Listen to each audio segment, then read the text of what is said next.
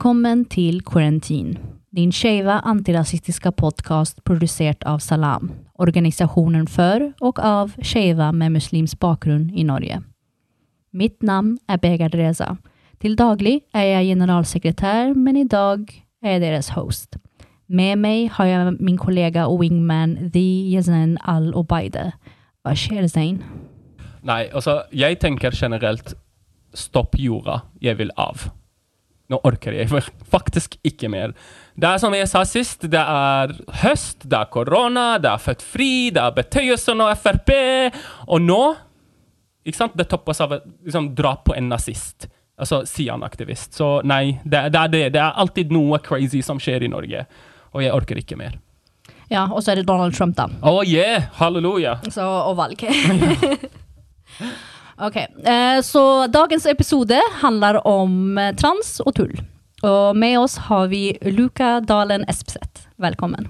Takk. Som regel, uten uh, unntak, uh, går kriser hardt ut av de mest marginaliserte gruppene i samfunnene. Kvinner og barn, men også skeive og, tran og, eller transpersoner. Før pandemien slo til, var det en stor debatt om uh, hvorvidt Rowling er transfob eller ikke. Svaret er åpenbart når hun skal komme med en ny bok hvor en av karakterene er en mannlig seriemorder i kjole. Den eh, transfobiske bølgen startet ikke og slutter ikke med Rowling. Den har pågått over lang tid. Rowling er bare et symptom. Under pandemien ser det ut som at uh, de enkeltstående transfobiske stemmene har begynt å organisere seg enda mer.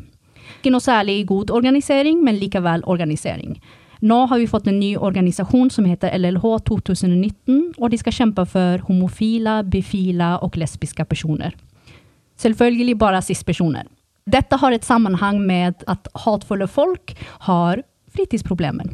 Disse fritidsproblemene har skapt en heksejakt på transpersoner, den uh, skjeve bevegelsen og en metadebatt om uh, skumle menn som går igjennom oppfattende kjønnskorrigering for å forgripe seg på kvinner. Uh. Som om menn aldri har hatt vanskeligheter med å uh, forgripe seg på kvinner. Debatten om transrettigheter kokes ned til kjønnsorgan og hvem som har et såkalt eh, rett kjønnsorgan. Det er veldig pinlig hvor dårlig feministisk analyse det er, og vi lurer litt på hvorfor det har blitt sånn. I dag har vi med oss en gjest som skal guide oss og dere lyttere til hvorfor dette er en dårlig analyse. Nå kjører vi. Luca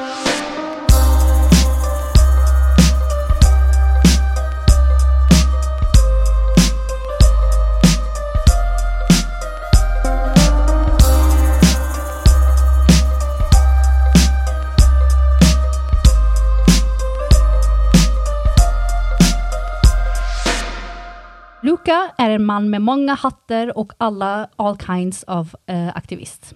Han er en god venn til oss og en fantastisk alliert til Salam. Han er overalt på rasistiske vegger og en god antirasist. Jeg skjønner at Luca blir sjenert nå, men vi vil bare si at vi setter stor pris på det. Mm. Men for folk flest, eh, kanskje Luca er mest kjent som transaktivist var det OK presentasjon, Luka? Det, det, var en helt nydelig presentasjon. Jeg ble veldig flau. uh, ja. Mm. Så Luka, vi bare begynner med deg litt her nå. Eh, hvordan har du det? Jeg er ganske trøtt og sliten i dag etter å ha jobba hele helga. Men uh, jeg, i motsetning til deg, syns at det er uh, underholdende med Bertheussen-saken. Og, og er, altså, det, er en slags eh, dystopisk glede da, i at verden ser så crazy ut som det den gjør for tida. Det er veldig uh, mye paradokser i den, altså. ja, det er en sjuk sak, faktisk. Men Luka, uh, hvordan uh, har pandemien påvirket deg på et personlig plan? Nei, altså, jeg bor jo midt i Oslo, i kollektiv. sånn at jeg har faktisk ikke vært så lite sosial som mange andre har vært, fordi vi bor fire folk i huset mitt. Men det har vært litt tøft når det har vært tre stykker med hjemmekontor i den samme stua. Um, og Nei, jeg har det egentlig ganske greit under pandemien. Nå har det blitt liksom den nye hverdagen, så nå tenker jeg ikke så mye på det lenger. Uh, ja. Uh, og så har vi liksom Du er uh, rådgiver i FRI, du sitter i PKI, ikke sant? Ja. ja. og hvordan har det vært for liksom, transbevegelsen generelt under pandemien? Nei, altså Som du så riktig sa, da, så påvirker jo sånne her type kriser uh, de mest marginaliserte blant oss mest. Og det jeg ser, er jo at liksom, det å måtte være mye hjemme for en del folk som f.eks. bor i et hjem man ikke blir respektert som det skjønner man er, som man opplever å bli deadnama hele tida, og at folk bruker feil pronomen og sånn, det er heftig. Og folk mangler også de sosiale møteplassene de har hatt før, da, og de safe spacene hvor de har kunnet liksom ja, flykte til og, og, være sammen med andre som, som, forstår det. I tillegg så merker jeg også at en del transfolk og det, det, er ikke folk sur for, men det er unektelig sant at uh, helsevesenet er litt sånn preokkupert med å holde på med koronating. Sånn at uh, ganske mye folk har liksom, fått forlenga venteliste på kjønnsbekreftende behandling. Og sånn. Og det er selvfølgelig en belastning. Så mener du at folk har blitt dyttet tilbake inn i skapet? Ja, altså noen har jo blitt det. Altså, dem, altså, det kommer jo selvfølgelig an på hvordan livet ditt så ut før korona, men hvis du er en ungdom som bor hjemme i et hjem hvor du ikke er åpen eller ikke blir respektert, da, for det skjønner du er, så har du jo måttet late som du er et annet kjønn enn det du egentlig er da, i mange måneder. Det tenker jeg er ganske heftig. Men uh, hur har det vært med liksom, aktivismen? F.eks. lobbyvirksomhet, møte med politikere og fronta transrettigheter generelt. Har det vært vanskeligere under korona? Altså, ja, jeg tenker det har vært vanskelig under korona. Nettopp litt av det samme, da, at helsemyndighetene har vært utrolig opptatt med korona. Så at vi har jo eh, vanligvis ganske god dialog med i hvert fall en del av folkene som jobber i eh, departementer og direktorater. Men eh, nå har de holdt på med korona, så vi har ikke helt hatt de samme mulighetene til å drive politisk påvirkningsarbeid. Samtidig som vi har sett en oppblomstring av transkonspiranoia i norsk offentlighet og hvor man har snakker veldig mye om de endringene som er foreslått da, i helsetilbudet til transfolk nå.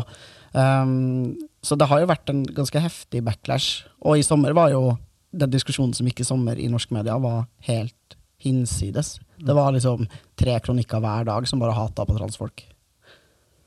Um, vi skal gå tilbake uh, uh, til det. Uh, men før vi gjør det, så lurer jeg litt, uh, Luca som du sagt, så har det jo vært veldig mye eh, hatefulle metadebatter i mainstream media og sosiale medier, og pretty much overalt.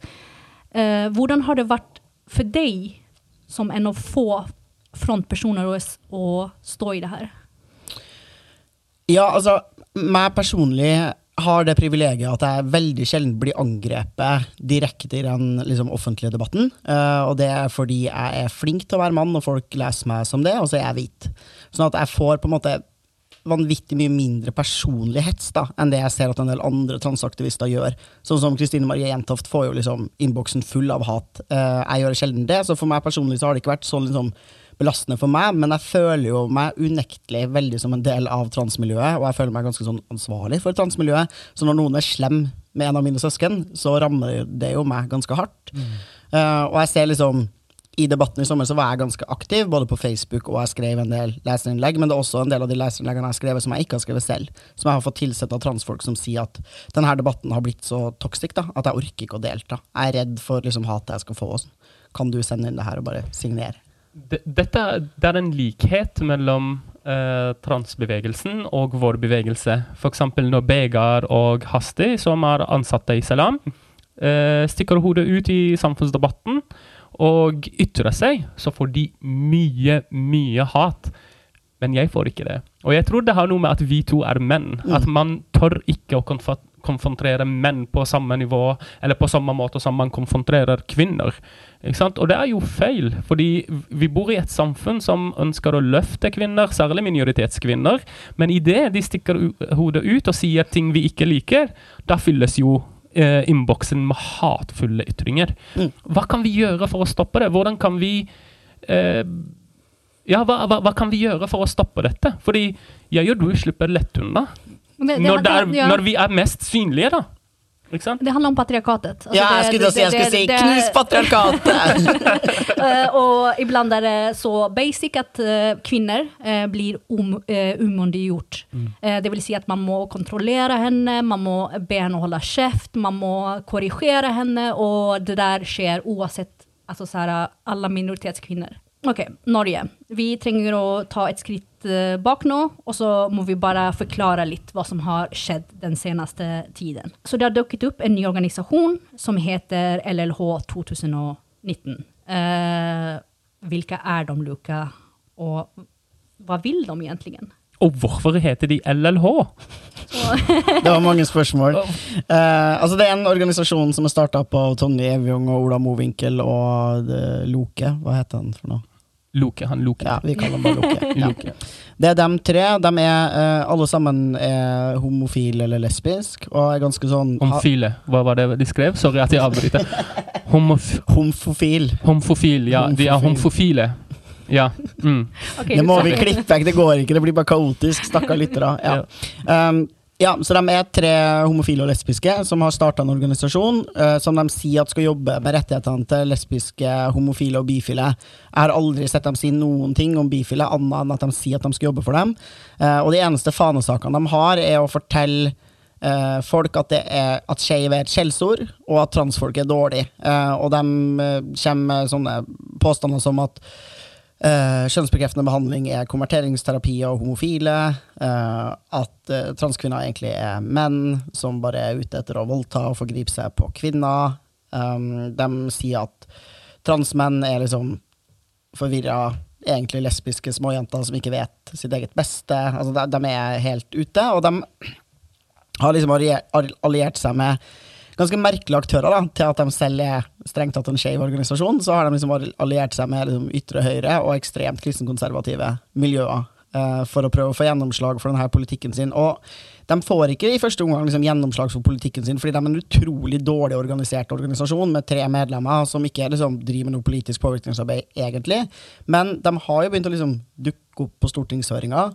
Og så feeder de og gir informasjon til eh, politiske miljøer og andre organisasjoner som kanskje liksom biter på noe da, av alt det liksom, makkverket de kommer med. Eh, og man ser det veldig liksom, i den offentlige debatten at det er ikke sikkert at folk tror på det LLH 2019 sier, men noe av tankegodset ser man liksom igjen. Folk blir litt sånn Ja, men kan egentlig ungdommer vite om de er trans eller ikke? Og så er det sånn, det At du helt tatt stiller det spørsmålet kommer fra et sted, da. Og det er fordi noen har sagt at Men det er litt rart, fordi når, når jeg var et lite barn, så visste jeg at jeg var uh, skeiv.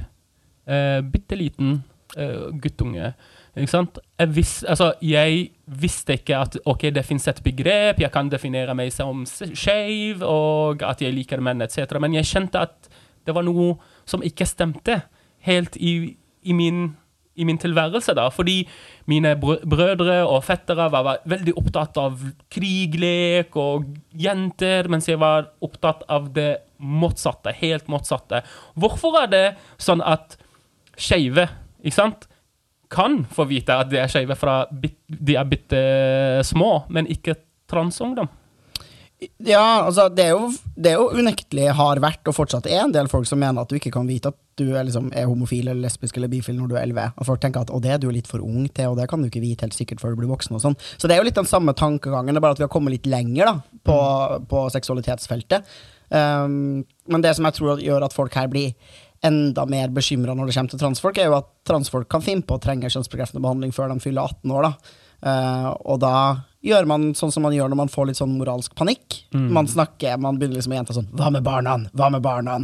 Ja ja, voksne kan gjøre hva de vil, men hva med barna? Og så bruker man unger, dytter barn foran seg i en sånn derre for å pushe en agenda da, som egentlig er at det her er mennesker som ikke tror at transfolk finnes, som ikke mener at det er reelt, og som har lyst til at det skal være færrest mulig transfolk i verden.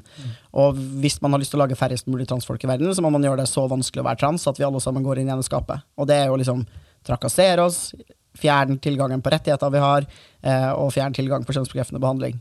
Så Og det syns jeg er så rart at det kommer fra en gruppe som selv har kjent på kroppen hvordan det er å være annerledes og ikke ha rettigheter. Men, men det er også så her, hva er det, altså hvilke er de her personene egentlig? De er mot eh, surrogati, ja. ikke sant? Og sen så har, har, har var det Loke som ha- eh, har brukt surrogati for å få barn, ikke sant? Mm. Eh, hva, Nei, nei, nei, nei ikke Loke. Eh, Ola Mowinckel, Mowinckel, ja, ja. O- Ola, ja. ja. Eh, hva er det mer eh, eh, ting de har gjort som er veldig eh, hycklersk? De er pro-Israel, som er altså, uh, Homonasjonalismen til Israel handler jo nettopp om å bruke trans- og skeive personer som shopping windows, ikke sant? For, for, å fremme seg selv som mer tolerant og mer progressiv. Men de er egentlig ikke det, ikke sant? Så jeg klarer ikke å se, fordi jeg har jo vært på veggene til disse folka, og jeg har sett f.eks. Uh, Tonja Jevjun uh, deler bilder av transkvinner uh, som er igjen delt av det israelske, israelske, israelske forsvaret. Deler bilder av palestinske transkvinner og sjohoi, se på oss, vi er så tolerante. Og det bildet har jo Tonja Jevjun delt! For meg er det helt sjukt, liksom. Du er jo an, du er en transofob til de gradene, men du er pro Israels propaganda. Eh, jeg får det ikke til å stemme. Eh, nei, nei, altså, jeg også sliter, men det er jo det som er litt av hele den tidsånden i dag. Da, føler jeg at, er, at det, konspirasjonsteorier tar veldig stor plass i offentligheten vår, og folk har helt egne menings- og logikksystemer som eksisterer helt på sida av samfunnet. Hvor det bare er sånn Nei, fakta er ikke fakta for oss, og vi kan bare tegne opp et, et bilde av verden som liksom ikke bare ikke stemmer, men som bare er helt absurd, da, hvor ingenting henger på greip, men så bare holder de seg til det. Men jeg lurer litt på det her, for uh, du nevnte som sagt at det er liksom bare tre personer, men de har begynt å ta en viss uh, plass. Uh, og så vil jeg også liksom legge til at det her handler om at de har påvirket folk som har klippekort i mainstream media. ikke sant? Det har skjedd en radikaliseringsprosess. N når starta det? Altså, har vi noen ideer om når det begynte å skje? Nei, altså, i, i liksom norsk transbevegelse, da, så har, har, vi var veldig usynlige som bevegelse. Uh, og så fikk folk litt mer øynene opp for transfolk sånn på begynnelsen av altså 2010-tallet, egentlig. Det var først da vi begynte å ha litt sånn offentlige debatter om transfolk, og at vi fantes, og levekårene våre. Og så hadde vi noen år fram til sånn 2016, hvor, hvor, vi fikk en del flere rettigheter. Vi fikk diskrimineringsvern, uh, vi fikk uh, lov om endring av juridisk skjønn, sånn at vi kan endre juridisk skjønn uten å kastrere oss, uh, og en del andre sånne gjennomslag. Og så starta det en backlash. Og det skjer jo ofte når en minoritetsgruppe får en ny rettighet eller anerkjennelse i samfunnet, så kommer det noen og, og kjemper mot det, eller blir bevisst, legger merke til at de er der. Og så uh, har man jo selvfølgelig importert hele denne diskusjonen fra liksom, USA og Storbritannia. Uh, og så ja, er det vel noen også som føler seg litt ut, altså de her spesielt, LLH 2019, tror jeg føler seg ute av takt med det skeive miljøet generelt. da, uh, Og at det her er en sånn reaksjon på å plutselig oppleve at jøss, jeg trodde jeg var progressiv og kul, og så får jeg beskjed om at jeg har blitt en reaksjonær gamlis. Og så blir man litt sånn Det finner jeg meg søren ikke i. Og så blir du, blir du, mer radikal av det. da, Du bare blir sånn ja, da skal jeg, ja, ja, nå skal jeg faen meg vise dere hvor reaksjonær jeg kan være. Det er ganske farlig, tenker jeg. Vel, veldig farlig. Mm. Eh, når folk går eh, fra å være så progressive til så eh, til de grader regressive. Fordi, tilbake til Tonje Jevjun Jeg har sett på veggene hennes hvor hun har vifte med transeflagget. Men det var jo i Kina! Ikke sant? Det var ikke i Norge. Så hurra for homonasjonalismen. Eller kan man si transnasjonalisme, hvis det fins? Ja, det kan du. Ja, mm.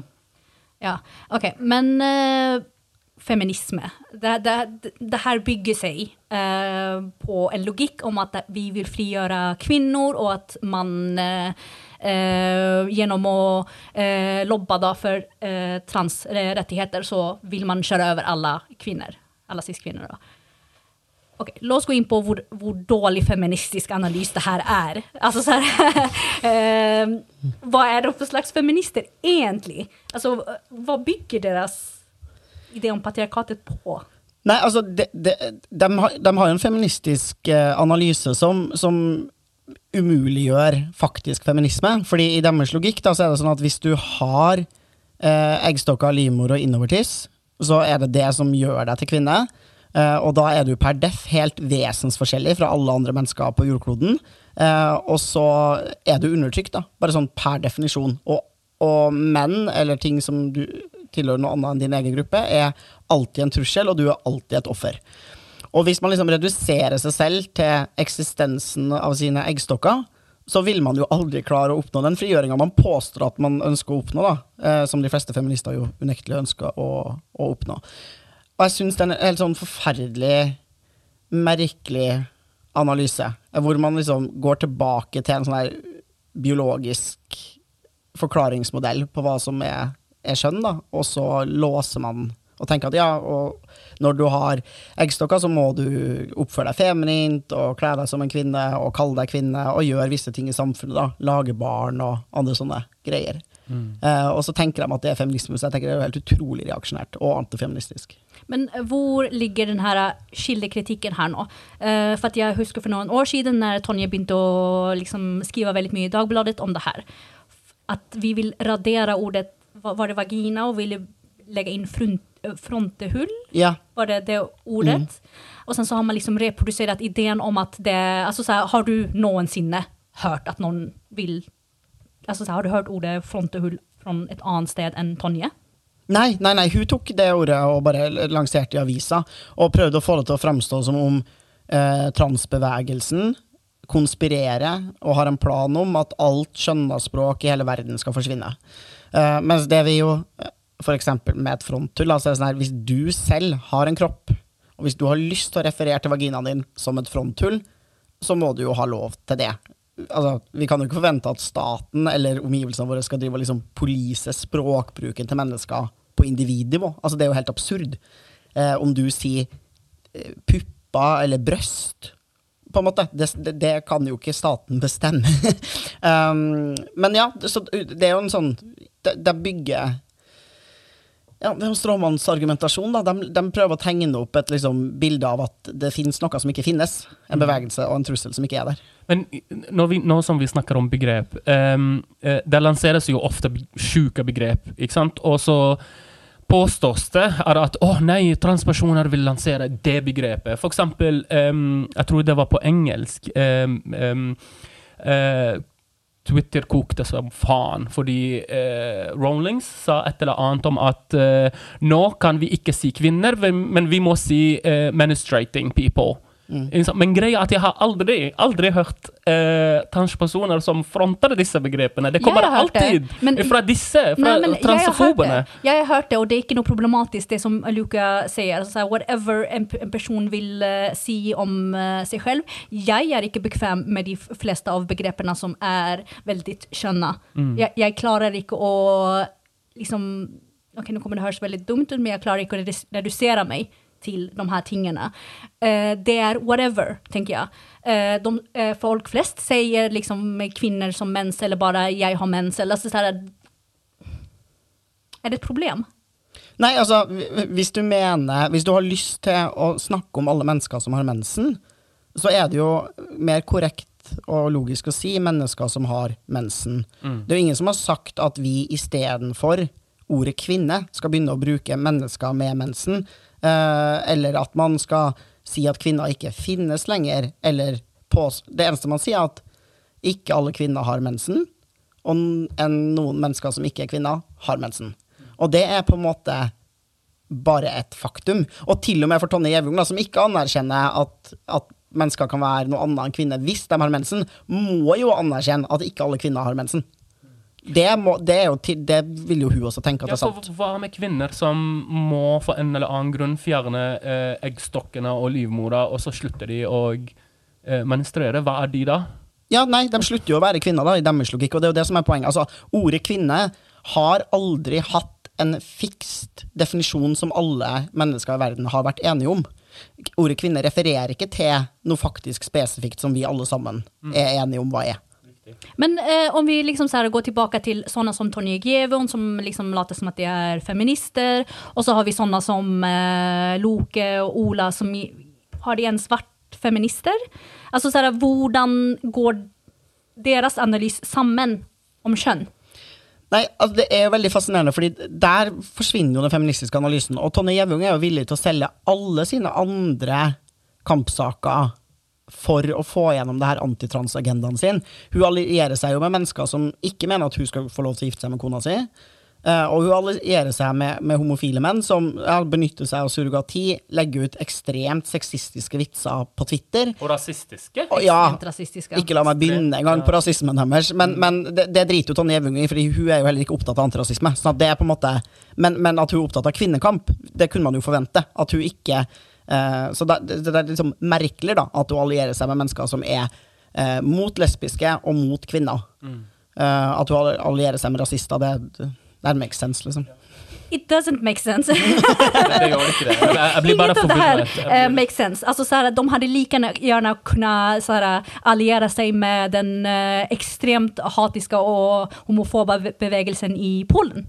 Ja. Alltså så här, det är anti-gender-grej. Jag var på demonstration i Polen. Alltså det är så här, retoriken från de eh, extremt konservativa kristna där är väldigt lik den som är, kommer ur Tonjes sin mun. Eller från eh, de gutterna från LLH 2019. Alltså det är the same. Jag känner ikke. Jo, altså det, eh, det er bare dem som ikke forstår at de er nyttige idioter for en bevegelse som tar transfolkene først, og så kjenner de til å ta alle andre skeive og kvinner. Uh, og alle brune og svarte folk, fordi de jo også basically er rasistiske organisasjoner. Uh, og det, jeg tror bare Tonje Evung og dem ikke forstår det. Altså, så jeg føler at vi går rundt og rundt og rundt uh, i liksom våra interna grupper og prøver å skjønne det her, men det finns jo egentlig ingenting å skjønne. Alltså det jo ikke en logikk, det er ikke noe konsekvent, det er ikke noe eh, ideologi, det er bare et hat. Ja, ja. Eh, liksom. Ja, øh, og jeg, jeg, jeg tror at vi har kanskje valgt litt feil strategi når vi både har prøvd å forstå dem, men også eh, på en måte tenkt at vi skal ikke gå med på at debatten blir polarisert, så derfor så prøver vi litt sånn litt å møte dem og litt å overse dem. Uh, men så er det jo sånn at altså, når noen drar debatten helt vanvittig langt ut til høyre, så spiller det ingen rolle. Altså Den eneste måten du kan la være å polarisere debatten på da, er jo hvis du flytter deg etter. Og det kan du ikke gjøre. Det er livsfarlig å flytte seg etter de folkene der og gå med på retorikken deres og begynne å snakke eh, logikk inn i det her sinnssyke verdensbildet deres. Så vi er bare nødt til å stå der vi står, kanskje også flytte oss lenger til venstre, skulle jeg si. Um, og da vil jo debatten se polarisert ut, og så, og så man liksom, får man beskjed om at man har polarisert. da. Kan det liksom være vår skyld? Det er jo dem som polariserer. Men hvilke er det vi vil overtyge, da? Eh, om det ikke er noen idé å prøve å få en Ola til å skjønne noe, hvem er det vi vil eh, prate for? Eh, jeg tenker spontant at det viktigste er at vi prater internt blant oss selv. At man liksom stryker sine transsøsken. Uh, men blant mainstream, da? Hvilke vi, vi kan nå ut til? Det er litt sånn vanskelig for meg, men det hadde vært Altså, det man har klart da med ho- homoer i Norge, er jo at den gjengse personen i Norge egentlig klarer å gjenkjenne homofobi. Relativt lett. Man ser, altså man lar ikke kronikker som spekulerer i om homofili er en psykisk sykdom, komme på trykk i Norge, fordi det er, det er for ute å si, da. Eh, Det er ingen som liksom skriver er noen aviser som trykker leserinnlegg om at vi burde reversere liksom, eh, likesånn ekteskapslovgivning og sånn, men det er ekstremt små marginaliserte stemmer som ingen bryr seg om. Mens på trans så virker det som samfunnet kollektivt er helt ute av stand til å gjenkjenne transfobi, og da lar man altså helt sinnssyke ting komme på trykk, og da blir jo det debatten. Da må vi snakke ut ifra det. Når de får lov til å sette premisset, og det premisset er bare helt vanvittig langt ute, så er det veldig vanskelig for oss å ta eierskap til debatten og snakke om ting som faktisk er viktige. Vi, vi- vi nevner jo altså, aviser og trykke innlegg og sånn. Jeg har problemer fortsatt. Altså, jeg forstår selvfølgelig at ytringsfriheten er hellig i Norge. Jeg kommer fra et diktatorland, og vi hadde ikke ytringsfriheten før jeg kom hit. Så jeg setter stor pris på at jeg har denne muligheten. Men er det ytringsfrihet å måtte trykke disse hatiske, transofobiske innleggene dag inn, dag ut? Vi Altså, jeg er ikke transperson, men jeg er alliert, og jeg følger med. Jeg leser disse innleggene, og jeg blir selv utmatta av det. Jeg blir så sliten av å lese så mye hat. Må det komme på trykk? Må vi publisere det på, på mainstream media? Nei, jeg er helt enig, og jeg tenker at altså, vi kan godt diskutere grensene for ytringsfriheten, som helt klart finnes, og som er eh, ofte definert av lov, definert av uh, moralen og normene i samfunnet, og bare litt sånn hva som faktisk ikke er greit å si. Men i tillegg så er det litt sånn hva er ytringsfriheten til for, da? Det viktigste med ytringsfrihet er at mennesker skal kunne ytre seg og drive med liksom meningsmotstand eller aktiviteter, eller bare liksom si ting, uten å bli forfulgt eller stå i fare for å liksom bli drept eller sanksjonert eller putta i fengsel. Eh, og det er Og det skjer heldigvis ikke i Norge. Nei, men, men uh, Nei, definitivt ikke. Og det er jo ingen som Når folk liksom sier sånn 'Å, det er brudd på ytringsfriheten min', så er jeg sånn her Hvem er det som forfølger deg? Har du blitt kasta i fengsel for det her? Altså, har det, noen det har jo ingen konsekvenser. Det er bare 'Nei, jeg ble sagt imot'. Jeg bare, ja, det er, en ganske, det er en ganske grunnleggende del av ytringsfriheten å kunne si imot folk. Og du må klare at folk sier sånn her 'Ja, du er transfob'. Nei, å, du kan ikke kalle meg transfob. Det er sånn, nei, du må gjerne si det, men jeg kommer til å fortsette likevel. Ja, men deres ytringer altså, eh, Når de ytrer seg, så har det ikke det en konsekvens, mer enn at folk snakker imot dem. Ikke sant? Men deres ytringer har jo konsekvenser for transpersoner. Definitivt. Ikke sant? Så hvor går grensen? Hvordan kan vi bestemme ok, dette er en verdifull ytring som må komme på Aftenposten og VG, og dette er mindre verdifull? Fordi det er det det handler om. Hva vi trykker i offentligheten, og ikke om at vi skal kneble eh, mennesker i det hele tatt. Og jeg tenker jeg vil alltid være en alliert eh, med transbevegelsen, og jeg hadde ikke trykket slike innlegg, fordi jeg vet at det går inn på dem, og vi vet også at eh, selvmordsstatistikken blant transpersoner og blant skeive er jo skyhøy. Ikke sant? Så vi på en måte bidrar vi til at denne statistikken fortsetter å bare øke. Ja, ja. Og no norske medier lar jo også trykke ting om transfolk som er eh, regelrette løgner. Eh, ikke bare er det liksom krenkende, støtende og problematisk, men man, man snakker jo faktisk om å frata en gruppe mennesker i samfunnet rettighetene sine. Det er en ganske kontroversiell ting å gjøre i Norge. Det, det, er, liksom, jeg, jeg det er rart da, at man tenker at ja, men det er noe helt innafor mening å ha. Det må du få lov til å trykke. Og så, og lyver de jo konsekvent, og da blir jeg litt sånn her En avis har Du har et redaktøransvar for hva du trykker, og du har lov til å velge ting bort uten at det er å kneble ytringsfriheten til noen. Og du har også en plikt til å sjekke om det som står der, finnes, liksom, om det finnes noe hold i virkeligheten whatsoever. da. Og når Tonje Evung bare kan sitte i norsk media og si sånn herre eh, Nei, altså nesten alle transfolk er alvorlig psykisk syke, eh, og det er derfor de tror at de er trans, eh, og de får stygge, ekle kropper, og veldig mange transfolk er seksualforgripere, og det er veldig mange cis-menn som gir seg ut for å være transkvinner bare for å liksom voldta damer inne i garderobene, og det er et problem vi ser hele tida. Eh, og det er veldig veldig vanlig at hvis du forteller barn at transfolk finnes, så tror de at de blir trans, og det er helt krise, for da bare begynner vi å skjære i tissene deres når de er liksom ti år gamle. Altså, hun sier helt sinnssyke ting. Det, er sånn, det her er jo ikke det er ikke litt sant engang. Og da tenker jeg, ja, jeg blir, det er pinlig da, at uh, seriøse medieaktører lar Veldig pinlig. ja. Blant, blant de sjuke ting de sier ofte i offentligheten, også i mainstream media, uh, alle disse angrende menneskene. De viser det angrer, det, jenter som angrer, folk som angrer, og vi må jo snakke om disse, og eh, Men det vises ikke til noen statistikk. Og Det, hvor, det, ja, det er veldig interessant det du kom inn med- med nå. Så eh, det er vel det er bare transmenn som angrer seg, Ikke sant? En Enligt deres eh, logikk stemmer det. Eh, mens transkvinner Altså, så Hva er forskjellen på hvordan de snakker om transmenn og transkvinner? Nei, altså, øh, de forstår jo transheten da, hos transmenn og transkvinner helt forskjellig. Altså, øh, Transkvinner er tydeligvis motivert av et ønske om å undertrykke eh, kvinner, mens transmenn er eh, trans som en respons på undertrykkelse. Det er logikken deres. Og så er de veldig, veldig bekymra for når de snakker om barn og folk opp til 18 år, så er de, har de en sånn enorm omsorg for unge, Eller de kaller det omsorg. Eh, for unge transgutter. Fordi de er sånn å, det er egentlig er de jenter, de er litt forvirra fordi translobbyen har gjort dem forvirra. Det er veldig viktig at vi passer på dem og ikke gir dem kjønnsbekreftende behandling, og at vi forteller dem at de er nødt til å være jenter, at det er skikkelig flott og sånn. Uh, og det er selvfølgelig også å være dame. Det er bare hvis du ikke er det, så er du det ikke, liksom. Um, men etter at folk blir 18 år, så er det bare, da er det bare transkvinner de er opptatt av. De snakker aldri om voksne transmenn, uh, og da er uh, liksom, de her uh, transkvinnene en ekstrem trussel mot hele liksom, samfunnsordenen.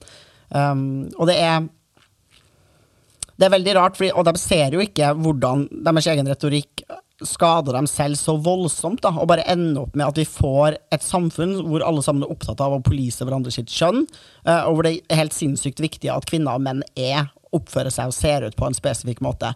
Altså Når de her menneskene liksom går rundt og lager et helt sånn fiktiv skremselspropaganda om at nå kommer det til å være veldig veldig masse menn som plutselig begynner å vase inn i damegarderoben. Hva tror du skjer da? Kvinner blir mer på vakt i garderoben og begynner å polise hverandre. Sånn at eh, butch, altså maskulint presenterende kvinner, cis som trans, plutselig liksom eh, får beskjed om at de ikke er velkommen i kvinnegarderoben. Eh, og det er bare så utrolig artig at en liksom selverklært tomboy som Tonje Gjevjong ønsker seg et samfunn hvor hun ikke heller får lov til å komme inn i kvinnegarderoben. For det er jo det som er konsekvensen av den logikken og den politikken hun fronter, er at vi skal være helt sjukt opptatt av at kvinner skal være feminine og være fett med vagina, liksom. Men, men for, Altså, ja En av de Hva skal jeg kalle liksom viktigste argumentene deres, da, eh, om at Uh, menn i kjoler skal ikke Unnskyld ordet, det er ikke mitt ord, men det er deres retorikk, da. Menn i kjoler skal ikke få lov å komme inn i kvinnegarderober. Men hvordan skal de regulere det? Skal de ha en vakt på døra som sjekker hva man har mellom beina for man slipper de inn, eller hvordan, hvordan har de tenkt å gjøre dette? Ja, det, men det har vi prøvd å spørre om ganske mange ganger, og det, det har jeg liksom vært sånn OK, ok, dere, dere syns denne loven er problematisk, denne loven om endring av juridisk kjønn, dere syns ikke vi skal få kjønnsbekreftende behandling, dere sier veldig mange ting, men hvordan er det samfunnet skal se ut, da? Hva er det vi skal gjøre med mennesker som er trans i deres verden? Skal vi, skal vi ikke kunne bruke offentlige garderober i det hele tatt? Uh, får vi egne garderober for transfolk? Uh, eller, eller, hva er liksom løsningen deres? Uh, for det er jo det er jo helt umulig å se på noen om de er cis eller trans. Og det er helt urimelig å kreve at folk avleverer informasjon til andre om hvorvidt de er cis eller trans. Uh, det hadde vært et grovt menneskerettighetsbrudd hvis det var registrert i liksom, offentlige papirer. Eller, altså Hvis jeg måtte ha et identifikasjonskort hvor det sto at jeg var trans på, så hadde jo det vært helt Altså, det, det går jo ikke an. Uh, så da ble jeg sånn, ok, men hva, hva er systemet dere forestiller dere? da? Sånn som nå er de sånn her, Vi syns at lov om endring av juridisk kjønn er veldig problematisk. At folk bare kan endre juridisk kjønn. Uh, så enkelt som det man kan nå. Og så ble jeg sånn, nei, ok, Men hva er alternativet, da? Før så kastrerte vi transfolk. Da fikk vi lov til å endre juridisk kjønn. Er det det du vil tilbake til? Fordi det er et menneskerettighetsbrudd. Mm. Hva, jeg syns de må snart begynne å lage seg noe politikk og fortelle ja, og, oss hva det er de vil. Ja, og vet dere, alle medier som gir dem uh, mikrofon, de må begynne å spørre. Mm. Altså, de kan ikke bare gå med på all uh, bullshit. Men eh, Zain hadde et sp spørsmål, og jeg avbrøt litt og stilte et annet spørsmål. la oss gå inn på det med angrere. Ja. Mm. Hva er altså de skriker om det, men hva sier eh, empirien? Uh, ja, altså Det som er poenget her, da. Når man utfører medisinsk behandling, eller når et menneske gjennomgår en medisinsk behandling, så er det en viss sjanse for at man uh, ikke er fornøyd med den behandlinga etterpå. Det kan være mange grunner til det, men det skjer alltid. Man feilbehandler i medisinen. Det er bare sånn det er. Uh, og i Norge så sier liksom Rikshospitalet, som er dem som gir kjønnsbekreftende behandling i Norge, at siden 1990 så er det fem personer som har kommet tilbake igjen til dem og sagt jeg tror ikke at jeg er trans allikevel.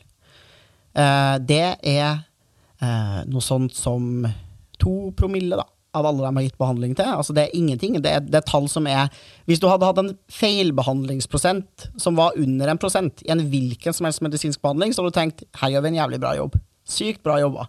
Det er liksom 20% av alle som gjennomgår knærkirurgi angrer på det.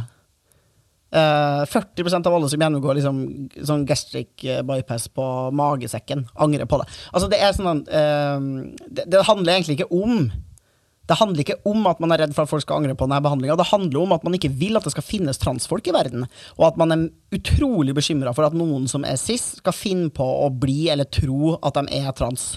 Og dem ønsker man å beskytte, så derfor må man gjøre det helt vanvittig vanskelig for transfolk å få tilgang på behandling, så man er helt, helt sikker på at man ikke ødelegger de vakre, nydelige kroppene til en annen cis-person.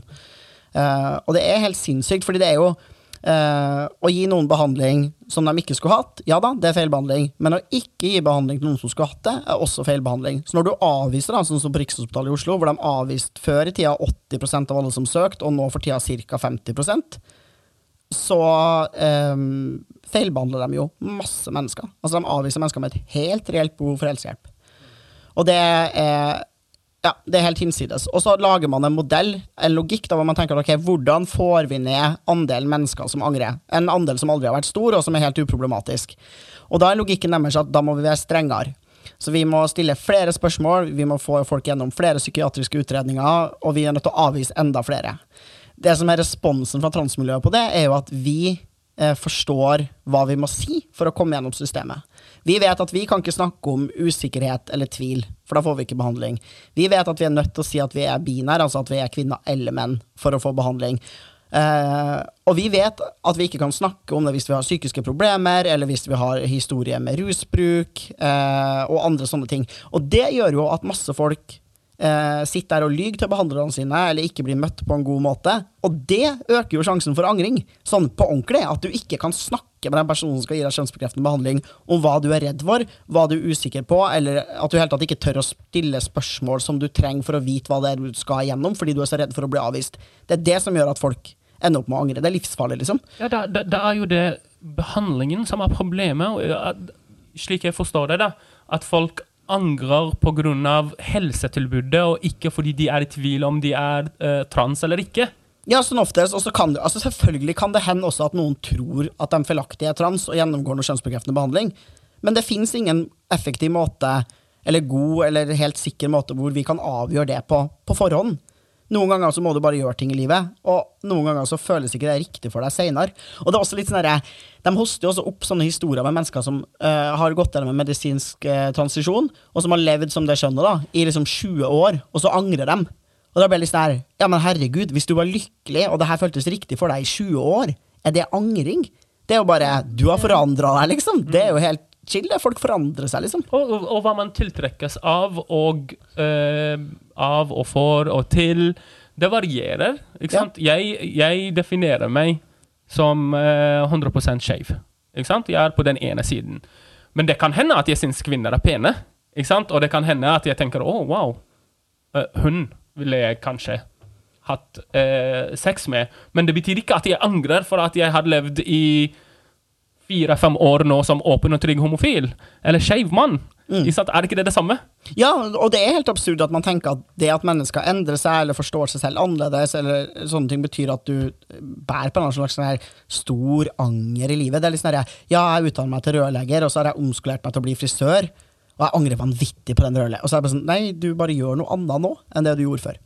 Men ja, det er ikke så ehm, Konseptet her er at uh, angring er et forsvinnende lite problem, Uh, og dem som lager problemet, er måten man legger opp helsevesenet på, og det faktum at vi er så kjipe med transfolk. Altså De transfolkene som angrer, sier at de angrer fordi den medisinske behandlinga er dårlig, fordi de blir avvist av familien sin, fordi de ikke får jobb, fordi folk hater transfolk, uh, og andre typer ting. Det er en bitte, bitte, bitte, bitte liten andel som sier 'herregud, jeg tok faktisk feil av hvilket kjønn jeg er'. Eh, og så er det litt sånn, til syvende og sist må man tenke voksne folk, spesielt voksne folk, da, må få lov til å ta dårlige avgjørelser for eget liv. Eh, og så må vi slutte å tro at kjønn for transfolk er noe helt annet enn det det er for cis-folk. da. Så man er liksom sånn, man er så livredd for å gi kjønnsbekreftende behandling til folk som er under 18 år òg, fordi man blir sånn ja, men herregud, de kan ombestemme seg. Så blir sånn, Hvor ofte er det det skjer? Det skjer jævlig sjelden når folk bare driver og ombestemmer seg litt rundt hvilket kjønn de er. De er sånn, ja, men folk er sånn usikre i puberteten. Så er jeg sånn, ja, var du usikker på hvilket kjønn du var i puberteten?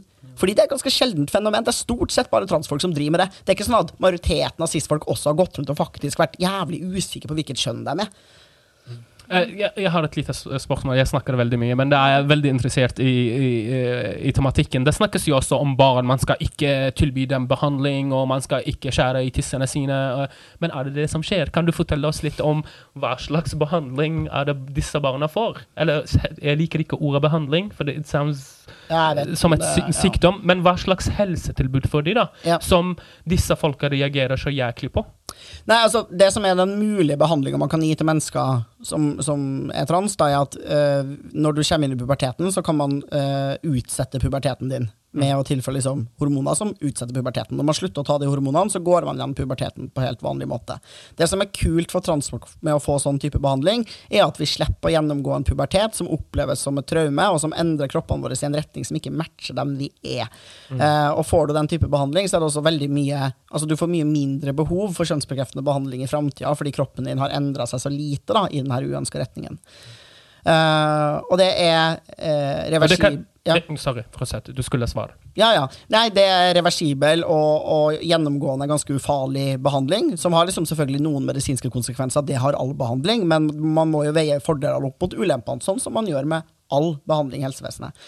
Uh, og så skriker folk opp om at det her er helt krise og helt sinnssykt, men man gir denne behandlinga veldig ofte til cis-kids. Hvis de kommer tidlig i puberteten, eller for å regulere liksom høydeveksten deres og andre typer ting. Og da er det ingen som er bekymra for at de plutselig kan bli trans av å få denne behandlinga, eller som er liksom utrolig bekymra for at det kanskje er en litt for høy sjanse for at de blir beinskjør når de blir 70. Det er ingen som bryr seg. Grunnen til at folk bryr seg om den medisinske behandlinga til transfolk på den måten de gjør, er at de hater transfolk. Ja. Det er ikke noe eh, Det er ikke noe mer hokus pokus enn det. De liker oss ikke, de vil ikke at vi skal eksistere. De tror ikke på at vi eksisterer. Men ja. Så pubertetsutsettende behandling, det finnes. Og så kan man gi folk eh, østrogen eller testosteron.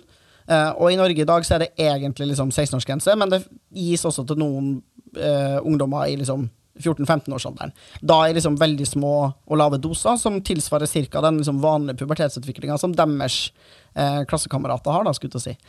Eh, og det vil jo ha noen effekter som er irreversible, og noen effekter som er reversible.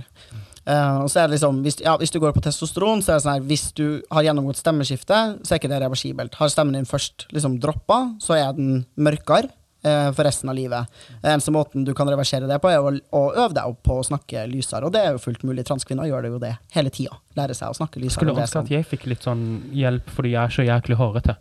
Skulle vært litt mindre da. Men la meg spørre deg, fordi jeg vil høre det. Jeg vil høre deg si det. Ikke for å være slem, men det er bare for våre lyttere. Så behandlingen er ikke å skjære i tissene til barn. Nei, altså, ja, jeg kommer til det, skulle til å si. Nei, eh, hormonbehandling som er liksom delvis reversibelt, eh, kan man gi til folk. Og så eh, er det noen folk som får tilgang på eh, å fjerne brystene sine før de fyller 18 år, men da må man jo huske på Ja, jeg skjønner at folk syns det er forferdelig med kirurgi som ikke har som mål å unngå at folk dør på stedet, men vi gir masse medisinsk behandling som ikke har som mål at individet bare skal overleve, men at livet deres faktisk skal være godt. Eh, masse. All psykiatri? All psykiatri er jo sånn her, ja, det her er jo mennesker som de overlever uten. Så skal, ja, nei, men herregud, Hvis de ikke står i fare for å dø hvert øyeblikk, så kan de jo bare drite i det. Det er jo ikke sant, vi, Og vi gir plastisk kirurgi til barn òg. Hvis du er født med litt sånn utstående ører, så tenker vi at det kan jo være litt belastende, så det fikser vi for deg. Og eh, tannregulering er Ja, ja. jo bare kosmetisk. Ja, ja. Alle kids i Norge får jo tannregulering, for vi må ha perfekte smil hele gjengen, bare fordi vi har så mye penger og alle skal være pen. Så det er, det er en helt sånn absurd annerledes forståelse av liksom, transkids enn en andre. da. Men ja. Eh, og så må man jo huske at pupper ikke altså Det har ingen vital funksjon i kroppen utover det å amme, og vi lever jo unektelig i en verden hvor det går helt fint an å oppdra, eller få et barn og oppfostre det barnet uten å ha evnen til å amme. Uh, Det, også, hvis man f.eks. fjerner brystene sine, og så tenker man ok, dette skulle jeg ikke ha gjort. Men det er jo enklere å fikse det, eller hvis man kan si fikse. øh, er det Ja, ja. og, al- altså revisere det, enn f.eks. å skjære i tissen sin. Eh, Det høres ut som jeg er veldig opptatt av det, men det er jo så ingen, ingen som gjør det. Det er derfor jeg prikker litt i det. De, mm. de kommer ikke til det punktet når de er under 18. Det er ingen som Nei, nei. Eh, altså, eh, genitalkirurgi er ikke tilgjengelig for noen mennesker som er under 18 år i Norge. Vi kan diskutere hvorvidt det kanskje burde vært tilgjengelig for, for folk som er under 18, og der er jeg tilbøyelig til å si ja. Um, men, men det er ikke sånn det fungerer, og, og du ville ha du har ganske god tid da på å oppdage om det her er riktig eller galt for deg. Du, har, du kom ut som trans kanskje da du var fire år, sa til foreldrene dine Hei, jeg hører at dere sier at jeg er gutt, men jeg er faktisk jente. Så har du gjennom hele øh, barnestadiet og puberteten din en helt stabil liksom, Ja, jeg tenker fortsatt at jeg er kvinne, jeg tenker at jeg er jente, på helt lik linje som det cis-kvinner tenker at de er jenter stort sett hele tida. Og så har du fått eh, utsatt puberteten, og det syns du var veldig kult, og du er veldig veldig glad for at ikke du ligner mer på broren din, fordi han har blitt høy og fått skjegg og adamseple og masse andre ting. Du er liksom, syns det er helt strålende. Får litt østrogen og begynner å liksom få litt pupper, og syns det er helt nydelig og bare liksom elsker det her. Og, så, og så blir du 18 år, så er det sånn, ja. Og da skal vi tenke seg, ja, det kan atombestemme deg. Så er det sånn, hva, hva er sjansen for det? Selvfølgelig vet den her nå, da, voksne kvinnen, hvem hun er. Og hvis hun har lyst på genitalkirurgi, så må jo hun få det. Ja, De kan jo operere seg for alt mulig når det er 18. altså hva går grensen til at et ett individ er myndig eller ikke? Eh, du, Ja, ja. Og Altså, det, og det, det. Altså, transfolk er ikke myndige per def. Vi har bare liksom ingen råd. Nå, nå er det sånn her eh, Folk foreslår å, å ikke gi tilgang til kjønnsbekreftende behandling før man er 25 år gammel. Vi blir behandla som unger, litt sånn som kvinner blir det. Altså, Vi klarer tydeligvis ikke å ta gode avgjørelser for eget liv. Vi trenger at cis-folk kommer og passer på oss og forteller oss at vi er i ferd med å gjøre kjempedumme ting. Det er helt absurd. Mens uh, cis-folk da kan gå på en hvilken som helst plastisk eh, kirurgisk klinikk og bare kjøpe masse ting, som jo er kjønnsbekreftende behandling. Hva er det cis-kvinner gjør når de får silikon? Det er kjønnsbekreftende behandling. De har lyst til å se mer feminin og kvinnelig ut. De føler at det matcher bedre identiteten og deres følelse av hvem de er, hvis de har større pupper. Mens hvis du er en transkvinne og prøver å gå og kjøpe den samme kirurgien, så får du den ikke. Ok, det var veldig godt poeng, og jeg vil gå inn på eh, normkroppen her. Hva er en god kvinna? Enligt de här jävlarna. Nei, altså, en, eh, en bra kvinne er en person som eh, er født med vulva og eggstokker og livmor, og som har pupper. Og som går gjennom livet. Jeg tror de liksom snakker om veldig mye om det her liksom fine i det å lage barn og være gravid og føde og sånn. Så det er eh, En bra kvinne er en, en kvinne med en gitt kropp, og som bruker den kroppen på den måten som den er intendert til. Og da har både Men herregud, det høres ut som en fødemaskin. Ja, ja. Det er jo Nei, det, det er de reduserer seg selv til. Mm. Ja, ikke sant? Hva er en god mann, da? Altså så här, det- vad är en god man enligt uh, de här? Det føles som at uh, mansrollen er så mye bredere i deres uh, forståelse. Ja, altså, de, eh, jeg tror ikke de liker menn jevnt over, men de eh, De bryr seg ikke så voldsomt mye om kroppene til menn. Det er ikke sånn at de mener så mye om hva menn burde få lov til og ikke få lov til, egentlig. Annet enn at det er helt forferdelig hvis de skulle finne på å plutselig tenke at de ikke er menn. da. Det er liksom Det er så jævla kvinnehat i det her. Yeah. Det, er liksom, det er en attack på femininitet. Det er det det er, yeah. I grunn og botten. Og det her er det problemet som vi har og det er derfor det ikke er en god feministisk analyse. Ok, la oss snakke, dra det litt tilbake til begrep. Eh, begrepet turf, ikke sant? Eh, kan du si hva det er for noe? Fordi jeg hadde sånn engelsk, dårlig engelsk da. Uh, vent da, trans-ex... trans-excluding radical feminist. Uh, så turf is not a slur. Är ni? No. Turf is not a slur. Yeah. What is turf, Luca? Nei, altså det, det er en beskrivelse av det som jo har blitt en feministisk retning på et vis. Som er liksom folk som påstår selv at de er radikal og feministisk, og som hater transfolk. Skjønner. Nei, men uh, jeg tenker at for de aller fleste så er det, er det nyttig å bare kalle folk transfob, da. Når de gjør og sier transfobe ting, og er transfob. Uh, og jeg syns jo kanskje nå at vi har brukt turf også om mennesker som jo ikke anser seg selv for å være feminister, og som ikke tilhører denne retningen i det hele tatt, men som bare er transfob. Så jeg tenker at transfobi er jo kanskje det mest liksom, presise begrepet å bruke. Men det er jo eh, Turf er jo liksom en, et spesifikt segment, segment av liksom, eh, det, en slags form for kvinnebevegelse, da, som yeah. er veldig opptatt av å, å ekskludere transfolk. Uh, og så uh, hevder jo dem at det her er et skjellsord eh, som blir brukt for å prøve å få dem til å liksom være stille. Um, for å få kvinner stille. De ser Ja. det, eh, på det her som en attack på kvinnor. ja, og det er jo litt som at altså, du, er- du må gjerne fortelle meg at uh, nazi er et slur, og at jeg bare bruker Nazier syns jo det. ja, De er nasjonalsosialister. Ja, ja, og, og det er jo helt riktig, men det er jo eh, Det er bare en helt objektiv beskrivelse av det du er, da. Alle sammen forstår hva Eller mange er enige om hva ordet nazi refererer til, akkurat som mange er enige om hva ordet turf refererer til. Og hvis du føler deg krenka og blir omtalt som det du faktisk er, Eh, så fair enough, liksom, men, men her har du jo et valg, da. Fordi eh, i motsetning til trans, da, som jeg ikke kan velge å være, så velger du å være nazi, og du velger å være turf. Så hvis du har lyst til at folk skal slutte å kalle deg nazi og turf fordi du ikke føler at du har lyst til å være det, så slutt! Så enkelt er det. Bare slutt å være en turf, da. ja, helt enig. Helt enig. Helt enig. Um, ja. Uh, vi må begynne å avrende. Turf is not a slur. Kampen fortsetter. Knus patriarkatet. Ja. Knus patriarkatet. Og at folk må være mer prinsipielle når det kommer til, å inklude, til inkludering eh, av transpersoner, og faktisk si fra når man opplever transofobi, eller f.eks.